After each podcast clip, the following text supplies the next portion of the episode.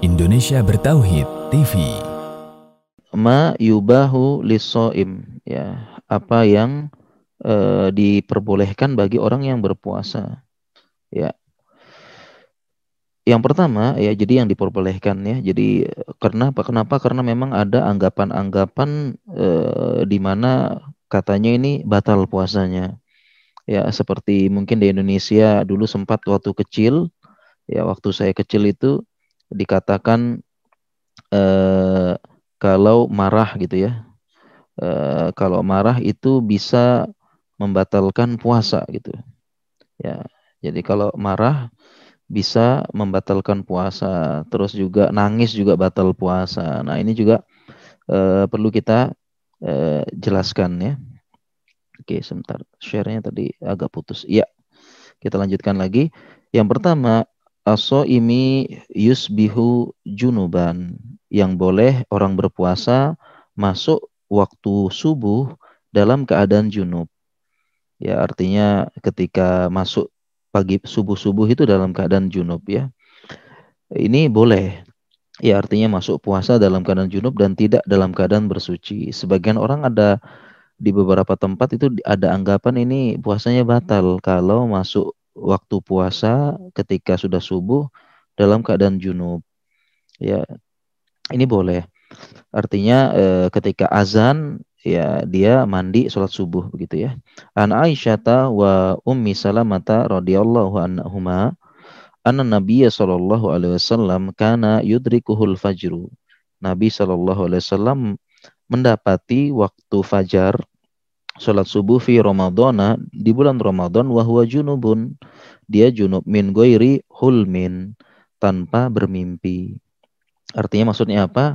Ini bukan uh, junubnya itu bukan karena mimpi basah tetapi karena berhubungan badan dengan suami istrinya. Maka fayak tasila wayak tasilu wayasumu maka beliau mandi janabah dan berpuasa. Jadi ini anggapan-anggapan ini eh, ya anggapan yang mengatakan kalau tidak boleh masuk waktu subuh kena junub ini tidak tepat boleh. Tapi di Indonesia ini anggapan ini enggak ya. Di beberapa daerah negara lain itu bisa jadi. Yang kedua yang boleh asiwaku lisoim bersiwak bagi orang yang berpuasa. Ya. Qala Nabi uh, qala sallallahu alaihi wasallam Nabi sallallahu alaihi wasallam bersabda laula an asyqa al ala ummati seandainya tidak memberatkan umatku la amartuhum bisiwaki inda kulli sholah. Aku perintahkan bersiwak e, setiap kali sholat. Jadi kalau seandainya anda e, tidak memberatkan ya, jadi setiap sholat siwak.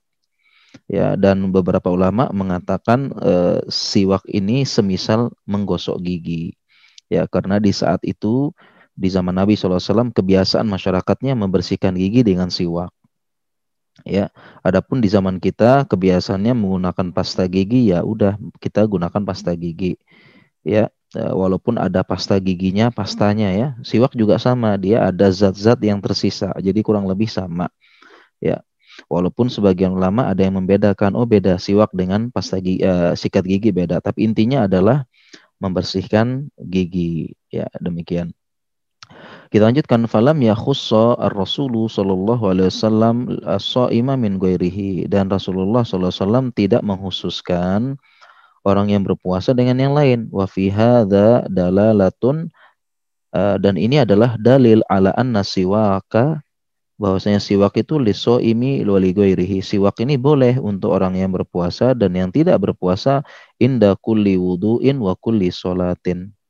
Eh, setiap wudhu dan setiap sholat. Nah, jadi kita bisa bersiwak ya setiap sholat. Ya, bahkan di hadis yang lain disebutkan ada sahabat menyebutkan ra'aitun Nabi sallallahu alaihi wasallam wa huwa yasta uh, yastaku wa huwa shaimun ma la uhsi wa la a'ud. Apa kata sahabat tersebut? Saya melihat Nabi sallallahu alaihi wasallam bersiwak ketika puasa dengan jumlah yang saya tidak bisa hitung. Artinya Nabi SAW sangat sering bersiwak ketika berpuasa. Ya, dan uh, ini sekaligus uh, apa, uh, meluruskan kesalahpahaman. Ya, kesalahpahaman dari sebagian uh, masyarakat kita ada yang mengatakan bau mulut orang yang berpuasa atyabu indallahi min rihil mis. Ya ada hadisnya ya, bau mulut orang puasa itu lebih harum daripada bau misik. Nah, penjelasan hadis ini dijelaskan oleh Ibnul Qayyim, bau mulut orang yang berpuasa berasal dari uap lambung yang kosong. Jadi berasal dari uap lambung yang kosong. Bukan dari uh, bau mulut sehingga ada yang mengatakan saya tidak mau gosok gigi atau siwak karena semakin bau mulut saya semakin uh, harum di sisi Allah ini tidak tepat ya karena sekali lagi bau bau mulut orang yang berpuasa ber, berasal dari uap lambung yang kosong bukan dari mulut ya oleh karena itu Rasulullah SAW semakin sering bersiwak untuk lebih menetralkan. Ya ini perlu diluruskan ya